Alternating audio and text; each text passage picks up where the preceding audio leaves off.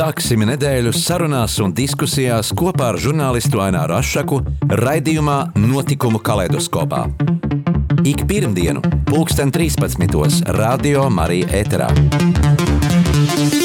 Tiksimies ar amatpersonām, interesantiem cilvēkiem, runāsim par aktuālitātēm un ikdienišķām lietām. Gaidīsim arī klausītāju jautājumus Radio Marija studijas viesiem. Ik pirmdienu, pulksten 13. raidījumā Notikumu kaleidoskopā.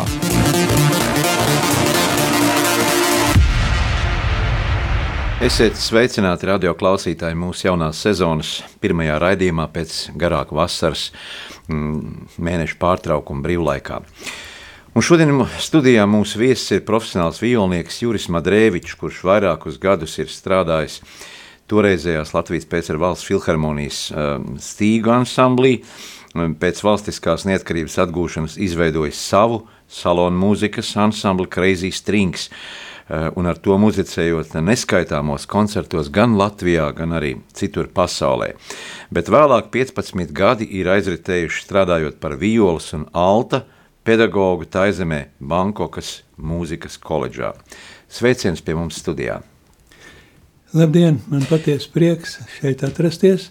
Un netic tiem, kas saka, ka pirmdiena ir neveiksmīga diena. Man ir speciāli veiksmi, jo es esmu šeit. Jā, nu jāsaka tā, kā tad eh, taizemieši sasveicinās? Kāds ir uh, šis sveiciens, kad taizemieši ienāks studijā? Atšķirīgi. Ja jūs esat dāma, jūs teiciet savadī kap. Uh mhm. -huh. Ja jūs esat kungs, jūs teiksiet savadī kā. Tad valodai ir vairākas arī nozīmes. Jā, nu, tādas gramatiskas īpatnības, tāpat kā latviešu valodai droši vien un visām pārējām. Jā, par taidzemes periodu runāsim pēc brītiņa, bet uh, sāksim ar to, uh, kā tad uh, bija šis ceļš uz mūziku, kāds bija ceļš uz mūziku, un vai tas bija apzināts, neapzināts, vai tomēr tur bija kāda mērķtiecīga rīcība jau? Es sapratu, to, tagad saprotu to, ka tas bija nosacīti. Tas bija li, lemts no likteņu, jo dzīvojot kopā ar manu tēvu, kas ir profesionāls violnieks Latvijā. Es katru dienu, sākot droši vien no autiņa vecuma, katru dzirdēju, dzirdēju vielas skaņas. Nu, neredzēju citu iespēju, kā pievērsties profesionāli šim instrumentam. Jā, jā tātad pēc toreizējās Latvijas valsts konservatorijas absolvēšanas darba gaitas aizveda uz Latvijas filharmoniju. Tad profesionāls uh, kolektīvs, profesionāls vide. Jā, faktiski tajā brīdī kultūras ministrija deva zaļo gaismu stīgu kvartetam, jauns ansamblis, kas, kas sāk savu profesionālā gaitu. Un man bija tas gods spēlēt ar, ar mūsu pazīstamo slaveno violnieku Valdu Zariņu vienā ansamblī. Un tā mēs nocīnījāmies veselu gadu, kamēr pilnīgi nejauši mūsu trīs gabals parāva Krievu armijā uz veselu gadu. Ar to, ar to daudz, daudziem plāniem bija pārvilkts, pārvilkts vītra pāri, bet savukārt atkal Latvijas valsts filharmonija uz kvarteta, izjukušā kvarteta bāzes būvēja jaunu ansambli, kurā visi kvartetisti, protams, ied, piedalījās kā, teiksim, kā pirmo vioļu, otro vioļu koncertmeistari, Un tas bija Latvijas valsts filharmonijas kameru orķestris, kuru ilgus gadus diriģēja Tovijs Lifšits. Tas bija nākošais, nākošais posms. Un tad likums bija lēms man vēst tālāk. Un pavisam, pavisam tālu, kā jau te stāstīja mans kolēģis, tā, tā bija Dienvidaustrumāzijas valsts taizeme. Uh mhm. -huh. Jā, bet nu, tēvs, tēvs arī bija profesionāls mūziķis un arī strādāja Latvijas filharmonijā. Faktiski jūs vienlaikus strādājot atšķirīgos kolektīvos, bet bijat vienlaikus um, strādājot. Jā, tā, tā, tā bija tēva mākslinieka gaita sākās arī Latvijā, Latvijas konservatorija. 1930. gadā viņš nobeidz... Pirmās Latvijas brīvvalsts laiks. Jā, jā, pie profesora Adolfa Metza, Un pēc tam viņa, viņa mūziķa ceļš gāja tālāk uz Parīzi, un Parīzē viņš turpināja studijas jau kā nākošajā līmenī pēc beigšanas pie ļoti slavenu franču violnieku Marcelu Darjē. Pēc tam dzīves ceļš atved viņu Latvijā, un viņš sāk spēlēt Latvijas valsts Latvijas simfoniskā orķestrī. Toreiz tas saucās Radio simfoniskais orķestrs, kas tagad nes Nacionālā simfoniskā orķestra vārdu.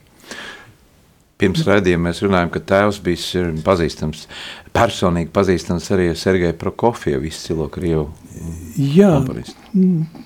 Nu, teiksim, ne kā, ne kā līdzgaitnieks, bet viņi bija tikušies Parī, tajā laikā, kad Prokofjevs strādāja Parīzē, atradās Parīzē.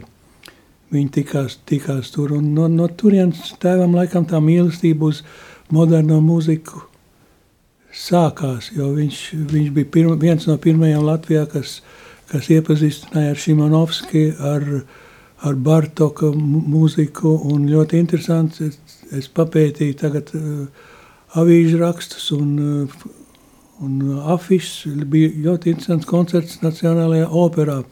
Saucās Sintētiskās mākslas koncerts, kur vienla, vienā oranžijā bija balets, glezniecība un mūzika. Bija ba, par mūzikas pamats bija Šimanovskis, izcilais poļu, poļu komponists un Čekovskis slavenais vioļu koncerts. Tāds koncerts bija un tas bija Tas bija tāds notikums Latvijas mūzikas dzīvē. Tas jau bija tāds kā modernisms iezīmes. Jau, Jā, noteikti. Mhm. Tur varētu teikt, jā, kad pavērājās Latvijā brīvības priekškars un valstis sāka apmeklēt augstas ārvalstu amatpersonas, un kad neatkarība uh, bija atgūta, tad uh, pašam radās interesi izveidot uh, savu kolektīvu, savu. Un tas... Jā, tas man vienmēr tāds tāda ķieka bijusi, kad bez tā, ko liek darīt, vēl kaut ko pašam priekš sirds. Tā daudz gadus es nostrādāju ar, ar tautas deja ansambli vektors, bija muzikālais vadītājs, un no turienes jau, teiksim, vaj, vajadzēja veidot kāds aranžīs priekš tautas deja ansambli, un tas man it kā drusku saindēja, un man gribējās pašam izveidot savu ansambli, un bija arī idejas par to, kādu muziku un kādā veidā to darīt. Kopā, kopā miksējot, teiksim, klasikas, klasikas melodijas kopā apstrādājot un izmantojot džēza, džēza folk mūziku. Jā. Mm -hmm. tad, tā, tā arī sākās man, mans darbs ar Crazy Strings. Vien, vienu laiku tas gāja paralēli līdz 2000. gadam, kad jūs jau zināt apmēram, kas, kāda, kāda mūsu tautsaimniecība bija, kad uh, daudz kolektīvu un daudz rūpnīcas tika slēgts, bija bezdarbs, bija nu, teiksim, krīze, un tāpat arī muzikā. Tika likvidēts kamerorķestris, un man vajadzēja domāt, nu, ko nu tālāk. Un tomēr risinājums bija. Laimīgs gadījums. Tas bija risinājums, jā, jo uh, tajā laikā nu, sāka attīstīties šīs, uh, šīs komercpārtijas un šie komercpasākumi, un, un Latvija apmeklēja ārvalsts delegācijas un karaļpāri, prezidenti, un tur bija tās afterpartija uh, pieņemšanas svinīgās, kurās jūs arī muzicējāt. Jā, es atceros, tas bija koncerts, koncerts Rundāls pilī, kad uh, 92. gadā Latvija apmeklēja Zviedrijas karalis un karalieni Silviju. Mums bija tas gods spēlēt fonu mūziku banketu laikā. Un, ja atļauj laiks, es pastāstīšu vienu interesantu, mhm. -huh. interesantu epizodi, kas notika. Teiksim, tas, kas paliek pie oficiālām atskaitēm, tas paliek ārpus iekavām. Iedomājieties lielo balto zāli, pakavēta galdi, oficiāli baltās livrijās, pielējums glāzi, pasniedz bifšteku. Tas sākums notiek lielā klusumā. Kamēr pēkšņi notiek šausmīgs blīkšķis, vienam no oficiantiem nokrīt tēbreti ar visiem ar galda piedarumiem. Tur ir vair, vairāki desmit naži un dakšiņu. Variet iedomāties, kāda ir reakcija. Pirmkārt jau reaģē apsardz darbinieki, ap, apsardz pielec kājās, bet tiesa gan nezin, ko tālāk iesākt. Tāds apjukuma brīdis. Protams, viss aizgāja tālāk, kā pienākās. Kas notika ar nelaimīgo oberu, grūti teikt. To neviens nezina. Jā, bet kāda toreiz bija tādā etiķeta pasākumos? Mēs tikko bijām atguvuši neatkarību, bijām pieraduši ģērbties savādāk, savādāk uzvesties, un pēkšņi nu, tā, tā elitārā sabiedrība sapulcējās arī šajās pieņemšanās. vai tas bija pamanāms? tas bija pamanāms, jo ja, ta, ja tagad pieņemšanā ievēro mērenību alkoholā, tad toreiz no pils daudzi ne, negāja vairāk pa taisno uz savām automašīnām, bet lūdzu šoferu palīdzību un vēl vairāk, vēl vairāk arī savu, savu mediķu palīdzību. Lūk, tāda, tāda, tāda bija mani novērojama tajā laikā. Mm -hmm. Crazy Strings, tad vai tā bija klasiskā mūzika, komerciālā mūzika, kāds bija repertuāra mm, nu, izvēles, kāda bija repertuāra izvēle? Repertuārs visplašākais. Es izvēlējos skaņdarbus, kas mani uzrunāja. Ļoti, ļoti daudz no Chopēna. Man tāda romantiska daba. Man patīk Chopēna mūzika. Un eh, tāpat arī par tikpat, cik man, man profesionāla darbība bija saistīta ar, ar kameru orķestri, tā bija baroka mūzika. Arī, arī piemēri no baroka mūzikas ļoti interesanti. Veidojās kopā, kopā teiksim, ar džēzi improvizācijām Tā kā pamatā, pamatā tā ir klos, klasika. Bet bija arī 90. gada sākums, kad bija Latvijā populāri šie raidījumi, vecais ratiņš, šlāgera aptauja. Un, un, un, un, un tajā mēs dzirdējām arī šo salonu mūziku, tās vintera dziesmas, jautrās, priecīgās. Un, un tādas, arī tajā, tajos ierakstos jūs piedalījāties ar savu grupu. Jā, vecā, vecā ratiņa raidījumos kā džingls, kā ievada melodijas, kā skanēja mūsu kvinteta iespēlēts, iespēlēts uh, skaņdarbs. Nu, vecais ratiņš, tā laikam arī viņu saucās. Tā bija, jā. Kas bija pārējie muziķi sastāvā? Pārējie muziķi bija mani kolēģi no kamerorķestra, Olavs, Olavs Štāls, Andris Grunte. Liela pateicības es parādā Ainai Kalnciemai, Mēs veicām lielu kopēju darbu, visus četrus Vivaldi koncertus. Gadu laiks mēs ierakstījām diskā. To, to tajā, tajā laikā to sponsorēja ierakstu un uh, diska drukāšanu sponsorēja Pārēks banka. Jā, kuru vairs jau nav tikpat kā. Kuras, kuras vairāk nav, jā. Bet uh, aranžējumu, un tad, tad, tad bija tāds arī nopietns darbs, ja tagad mēs to darām uz uh, datoriem ar programmām, kā tas viss notika agrāk?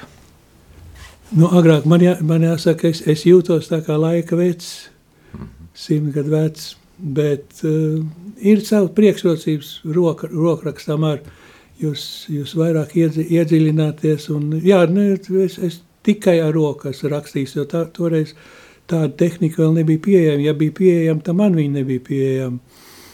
Un es, es kādreiz domāju, nu kā tas iespējams, kā var rakstīt mūziku, komponēt uz, uz datoru. Uh mhm. -huh. Vēlāk es šo mākslu, taizemē šo mākslu apgūvu, bet vairāk, vairāk man ne, ne, nevajadzēja viņu lietot, jo tāda ansambļa ne, nebija. Kopā ar jauno gadu mīju, 2000. gadu, Latvijā bija mans beidzamais koncerts ar lielo kreizijas sastāvu. Tas notika, tas notika Latvijas televīzijas pirmā programma pasūtīja tādu koncertu. Mēs viņu realizējām. Kopā solisti bija trīs tenori, Tad atmiņas, jā. Eh, es domāju, ka mēs pēc muzikālās pauzes eh, turpināsim sarunu ar mūsu šīdienas viesu, ar, ar mūziķu, ar, ar violnieku, ar Jurim Adrēviču, bet eh, tagad, lai skan muzikālajā pauzītē, skaņdarbs, kur Crazy Strings ieskaņoja savu laiku, dziesma violnieks, kur mēs arī visi droši vien zinām.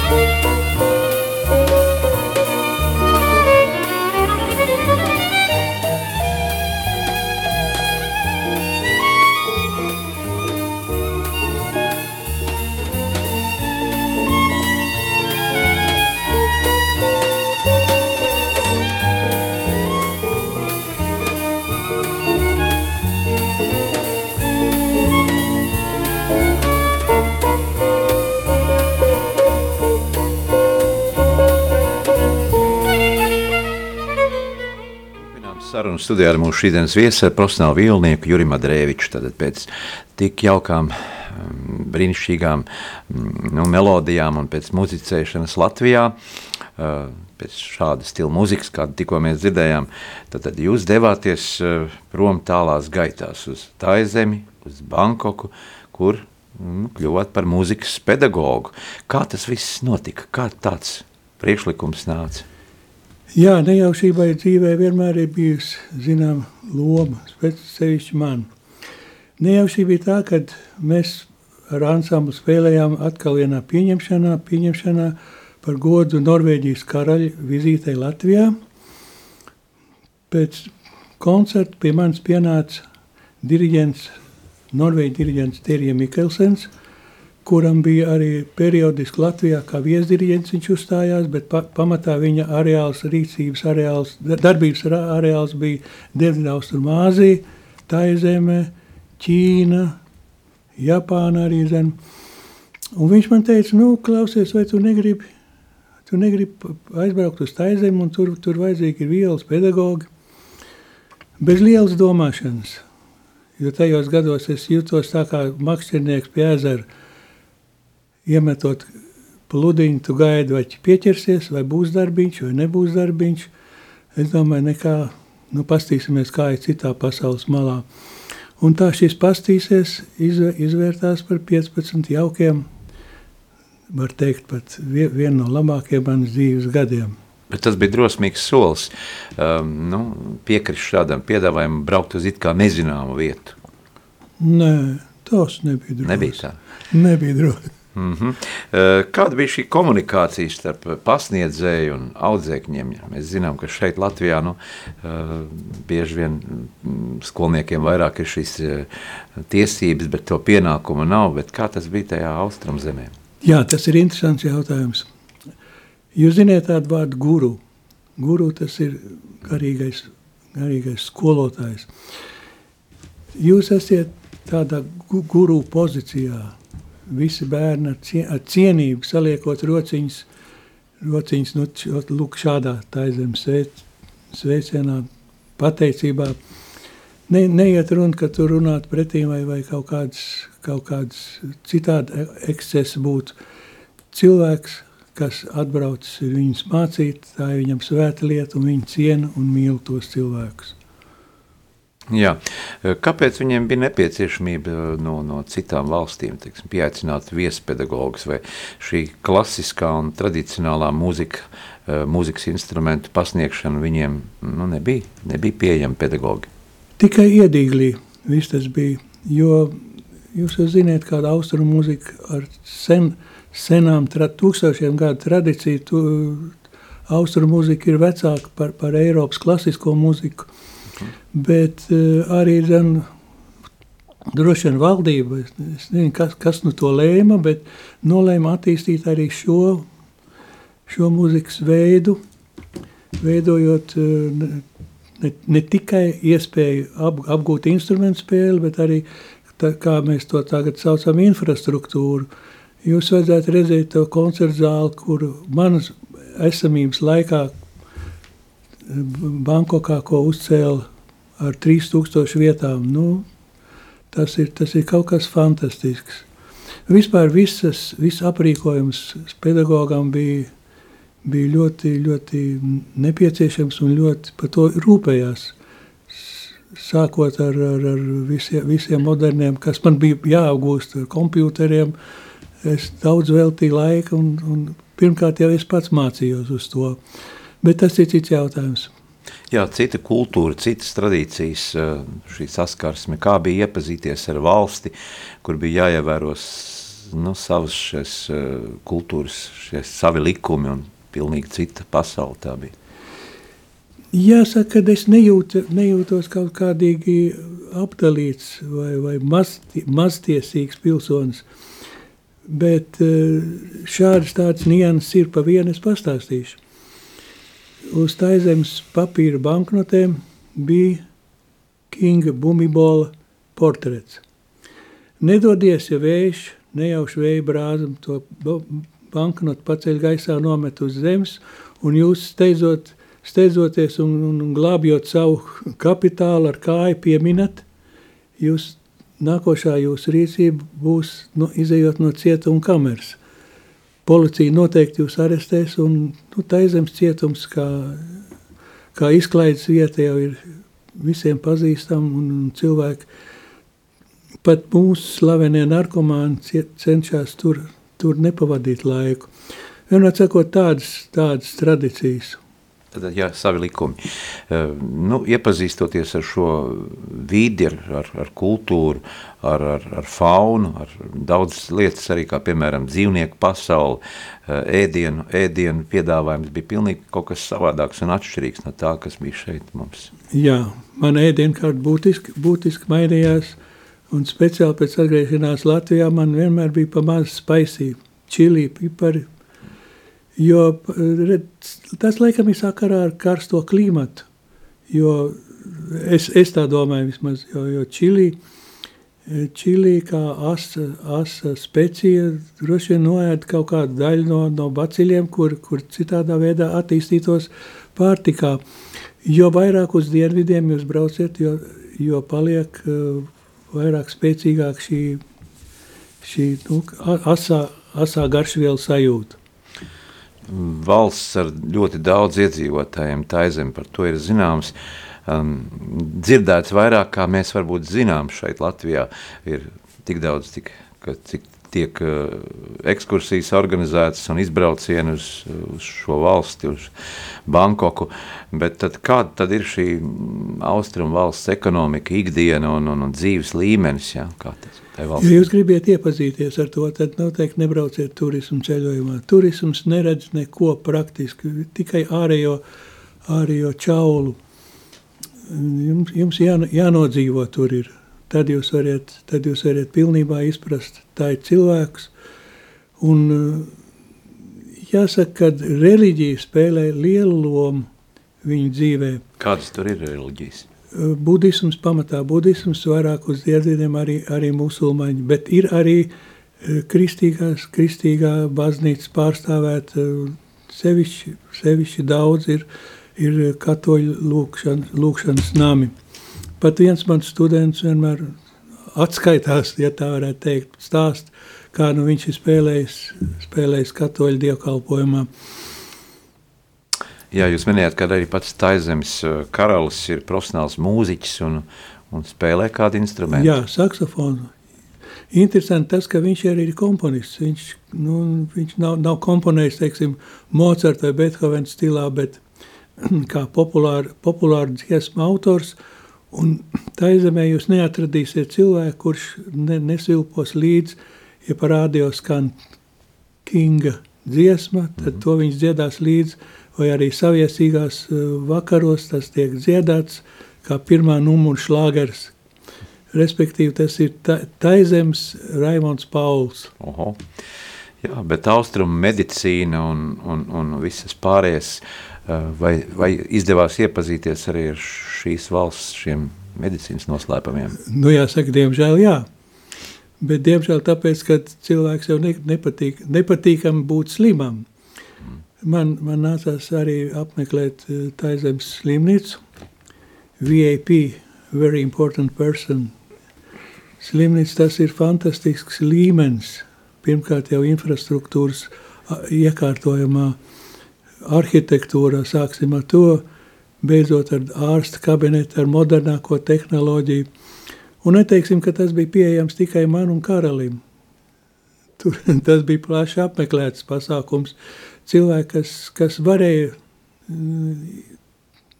teiksim, finansiāli atļauties. Tas nebija pavēlti, protams, bet ar, tas arī nebija, tās nebija tādas fantastiski dārgas, dārgas cenas.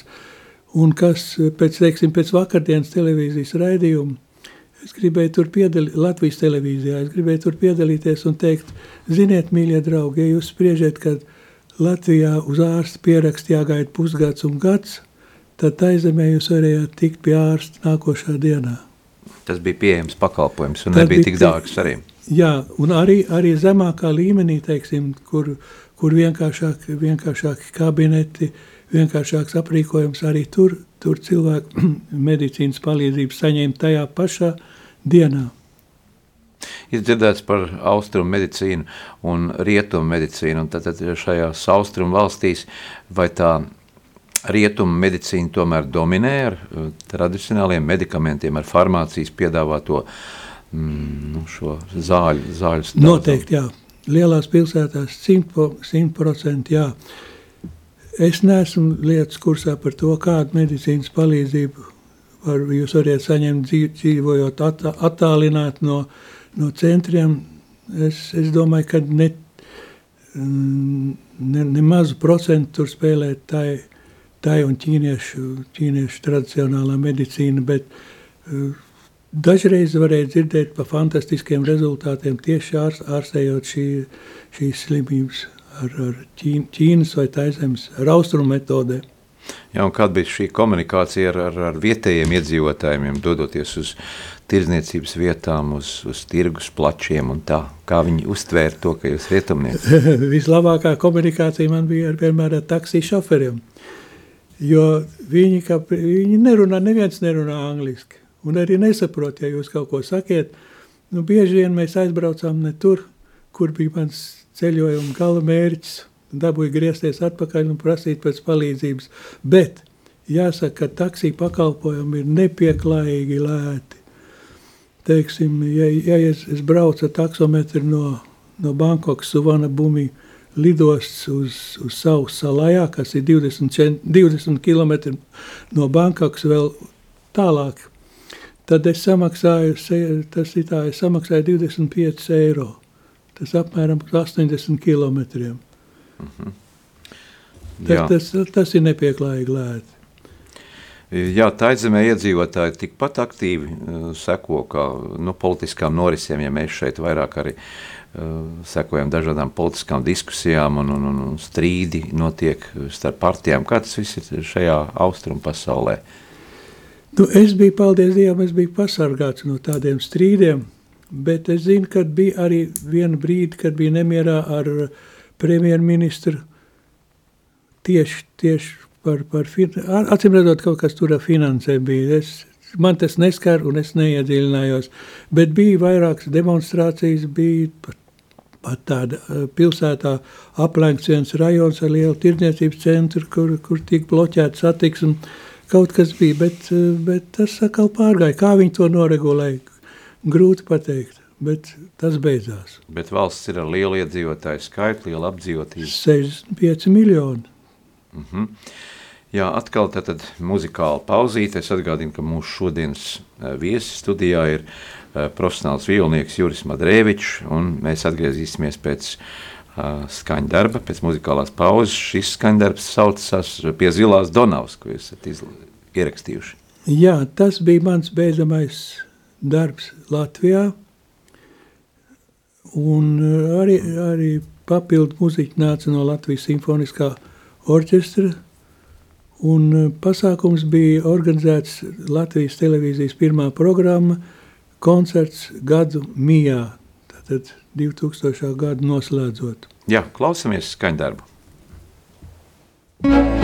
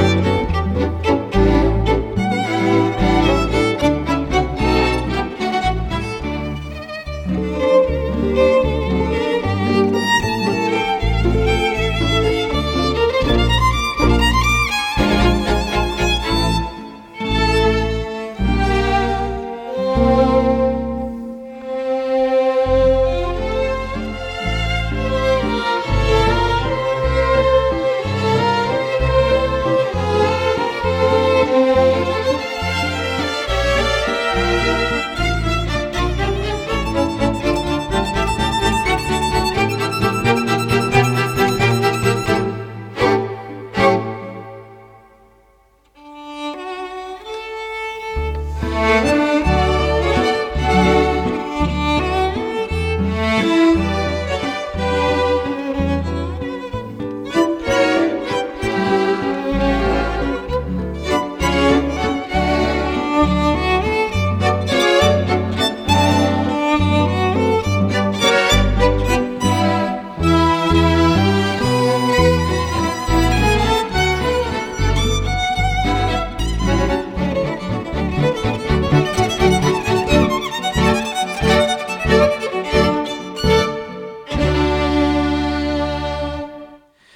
šis skaņdarbs atsauc skaistas atmiņas par operetes izrādēm pie Zilās Donavas, kur balerīnas izdejoja un orķestris spēlēja un, un solisti dziedāja. Atgādinu, ka mēs studijās sarunājamies ar, ar mūsu šīdienas viesi, ar profesionālu violnieku Juri Madrēviču. Un tad, par taizemi. Turpinām sarunu vēl par taizemē nodzīvoto laiku par 15 gadiem eh, pedagoģa statusā. Mm, tad, tad varbūt par tieši par pilsētu, par šo, šo ikdienas dzīvi, par satiksmes intensitāti. Kāda tur mēs kadros redzam televīzijā, jā, ka tur taizemē visi pārvietojās, tur krusta šķērsu, brauc mašīnas, transports un dažādi šie sīkie braucēji ar, ar ričām un kā tas viss tur notiek? Jā, haoss ir milzīgs. Bet pir, pirmkārt jau jāatzīmē tas, ka tā ir kreisās puses kustība. Tāpat kā Anglijā. Jā, Bet pēc šiem gadiem man likās, ka kreisā pusē daudz normālāka sajūta nekā labajā pusē. Labajā pusē braucot. Un arī mediķi atzīst, ka kreisās puses mm, trafiks ir eh, cilvēkam dabīgāks, jo, kre, jo kustības orgāns sirds atrodas kreisā pusē. Mm -hmm. Bet eh, pārtaucot vienu, vienu mazu remarku, es gribēju izdarīt, kas man sevišķi aizkustināja tā zemē, tas ir cilvēku rūpes un cieņa pret veco paudzi. Jūs bieži vien varat ie, ieiet uh, lielajā tirdzniecības centrā, kur cilvēku uzskata arī par izklaides objektu, un sas, sas, sastapt vecu māmiņu ratos, kur ved, kur ved mazdēls vai, vai, vai dēls, bet katrā ziņā jūs esat izveduši savu, savu cilts mammu vai cilts papu, izklaid, izklaidēties. Tad tur īpaši rūpes un nav tādi pansionāti vai tādas uh, veco ļaužu mītnes? Nē, pamat, pamatā visi dzīvo, cenšas dzīvot ģimenē, jo citas izējas veciem cilvēkiem nav, tur nav pensijas. Tātad par nostrādātiem darba gadiem tu nesaņem nekādu atalgojumu, tu uztir bērni. Veco, ma, mazdērnu pateicība varētu būt jūsu alga. Bet ja ģimenē nav šo bērnu, ko tad? Nu, grūti teikt. Kā, kā viņi dzīvo. Vispār kādas tur ir ģimenes? Ģimenes ir lielas. Un ja, ja, ja teiksim, ja jums nav bērni, tad jums ir kaut kādi radu, radu bērni, kas arī, arī ņems un, un, un, un pasniegs palīdzīgu roku tādos slimības vai, vai nespēka brīžos. Par to es esmu pilnīgi pārliecināts, jo man ir ja ir nācies, nācies iepazīties ar daudzām ģimenēm, gan turīgām, gan, gan masturīgām, gan galējos dienvidos, gan, gan arī centrālajā taizemes daļā. Tas ir amazing, tas ir nu, pārsteidzoši un jauki. Šajās valstīs bieži dzirdēts, ka notiek arī eh, dabas katastrofas un, un tādi ekscesi kā taifūni un viss. Ne, nebija jāpiedzīvot tādas lietas. Bija gan plūdi vien, vienu pāris mēneši, bet, eh, bet mūs atļa, atļaut dzīvot citā vietā, jo, jo Bankokā brīžiem bija pat, eh, vietām bija pat uh, ūdens līmenis cēlies pa trīs metriem. Mhm. Nu, es, es nezinu, katastrofāli daudz cilvēku negāja bojā. Kāds, droši vien kāds, kāds nelaimes gadījums arī, arī bija, bet, bet tas nebija tā, ka simtos un tūkstošos. Kāda bija vietējā fauna dzīvnieki? Varbūt kādi kuriozi, ko atcerēties no, no, no kādiem negadījumiem. Nu, kurjos, kurjos bija tas, kad es uzkāpu ziloņu mugurā braucu, bet tas, tā, tā jau ir, tas jau ir tāds turismu izklaide. Bet tas ir jāizdara, tas ir jāizdara. Nu, un tiem pērtiķīši, par kuriem mēs runājam pirms raidījuma. À, jā, daudzi, daudzi, daudzos tempļos daudzos tempļos, kā blakus iemītnieki, dzīvo pērtiķi. Nu, tas rada zināmas nērtības apmeklētājiem, gan, gan higienas, gan tīrības ziņā, bet, bet vietējā viņam, ne, viņam nedara pāri. Jā, vai pēc atgriešanās eh, no Taizemes ir saglabājušās tad, šīs attiecības un šie kontakti ar, ar bijušiem audzēkņiem, jo tomēr 15 gadi tie ir vairāk audzēkņi. Cik vispār aptuveni bija audzēkņi? Kopā caur manām ro, ro, svētīgām rokām izgājuši, nu, es domāju, ka kād pārsimt, pārsimt studenti. Jā, saglabājušie kon kontakti. Kontakti saglabājušies, jā, Whatsappā, Whatsappā bieži vien rakst, un pat vēl vairāk tagad 14. Eh, oktobrī atbrauks četri mani bijušie studenti, un kā, kāpēc viņi grib atbraukt, tas ir ļoti, ļoti interesanti un ļoti aizkustinoši. Meitene aprecējās, un viņi grib atbraukt pie manis, lūgt savu, manu, manu svētību, uzvilkt savu, viņi brauc ar savu kāzu kleitu, brauc ar vīru, un grib, grib apciemot eh, mani Latvijā un lūgt savu svētību izējot dzīvē.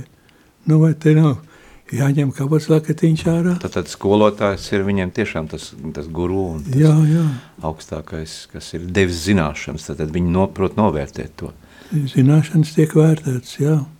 Jā, vai, vai, vai, vai šie um, audzēkņi tur, turpina uh, šo pedagoģu darbu, ja viņi praktiķi, praktizē savu darbu uh, simfoniskajos orķestros? Jā, nu kā, kā visiem muziķiem ir divas, divas izvēles. Jūs varat turpināt savu izpildītāju praksi, un šī gadījumā, šī gadījumā jaunajā koncertzālē 3000, 3000 sēdvietām tika dibināts arī Salais simfoniskais orķestrs, TPO Taizem Philharmonic Orchestra.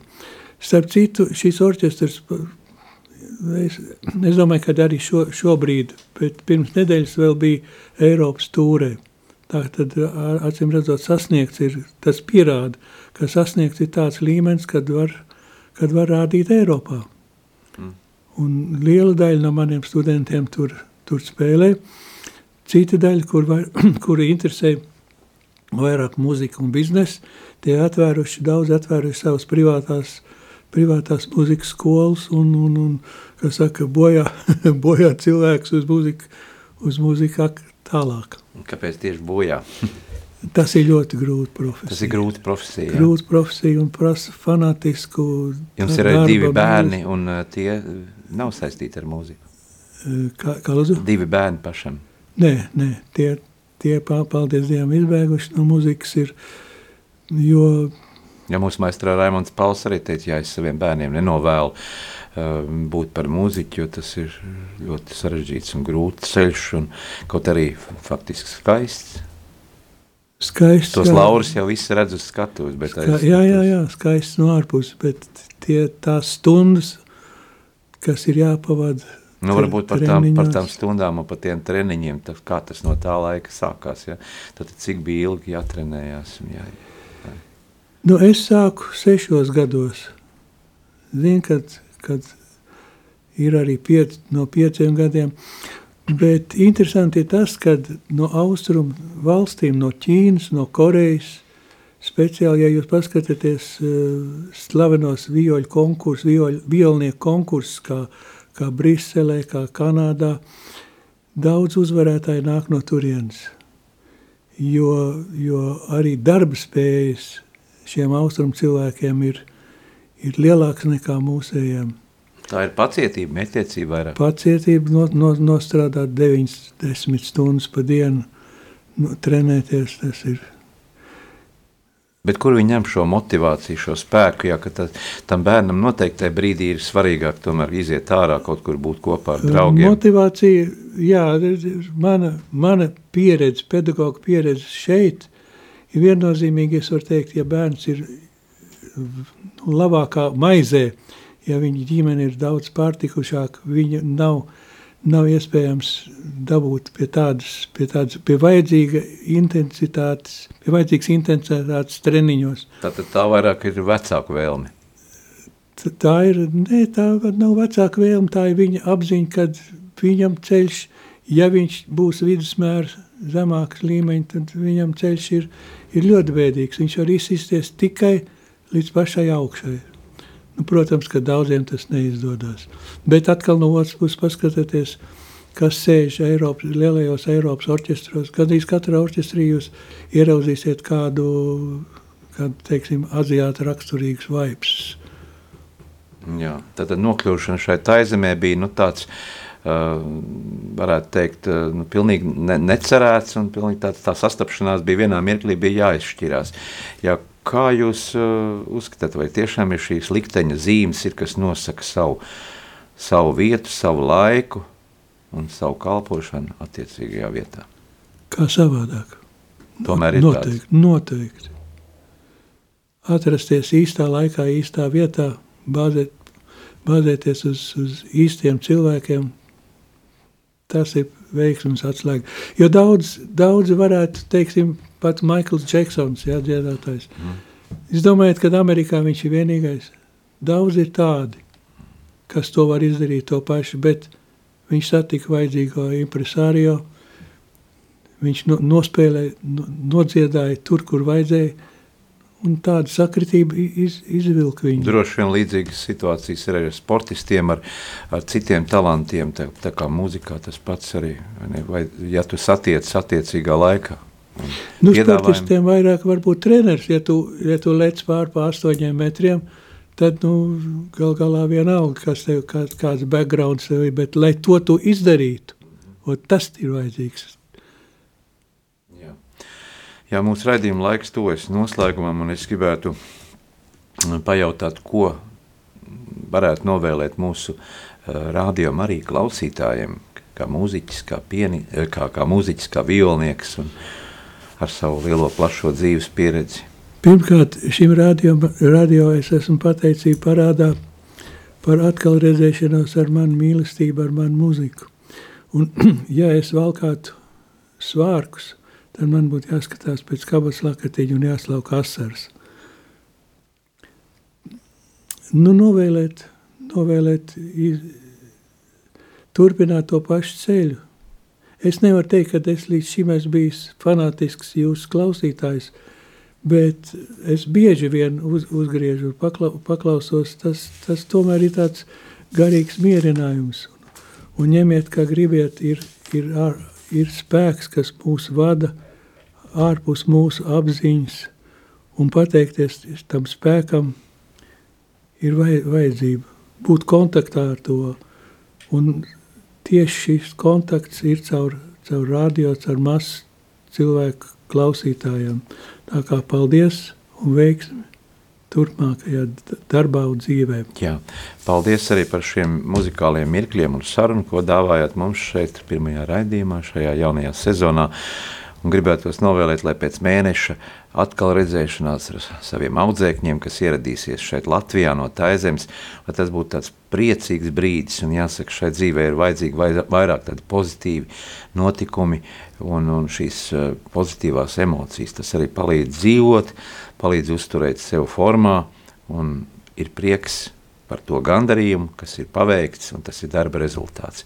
Paldies arī par šo paviesošanos vēlreiz mūsu radio studijā, un lai viss būtu vislabāk. Uz redzēšanos, es saku. Paldies, Paldies jums visiem. Paldies.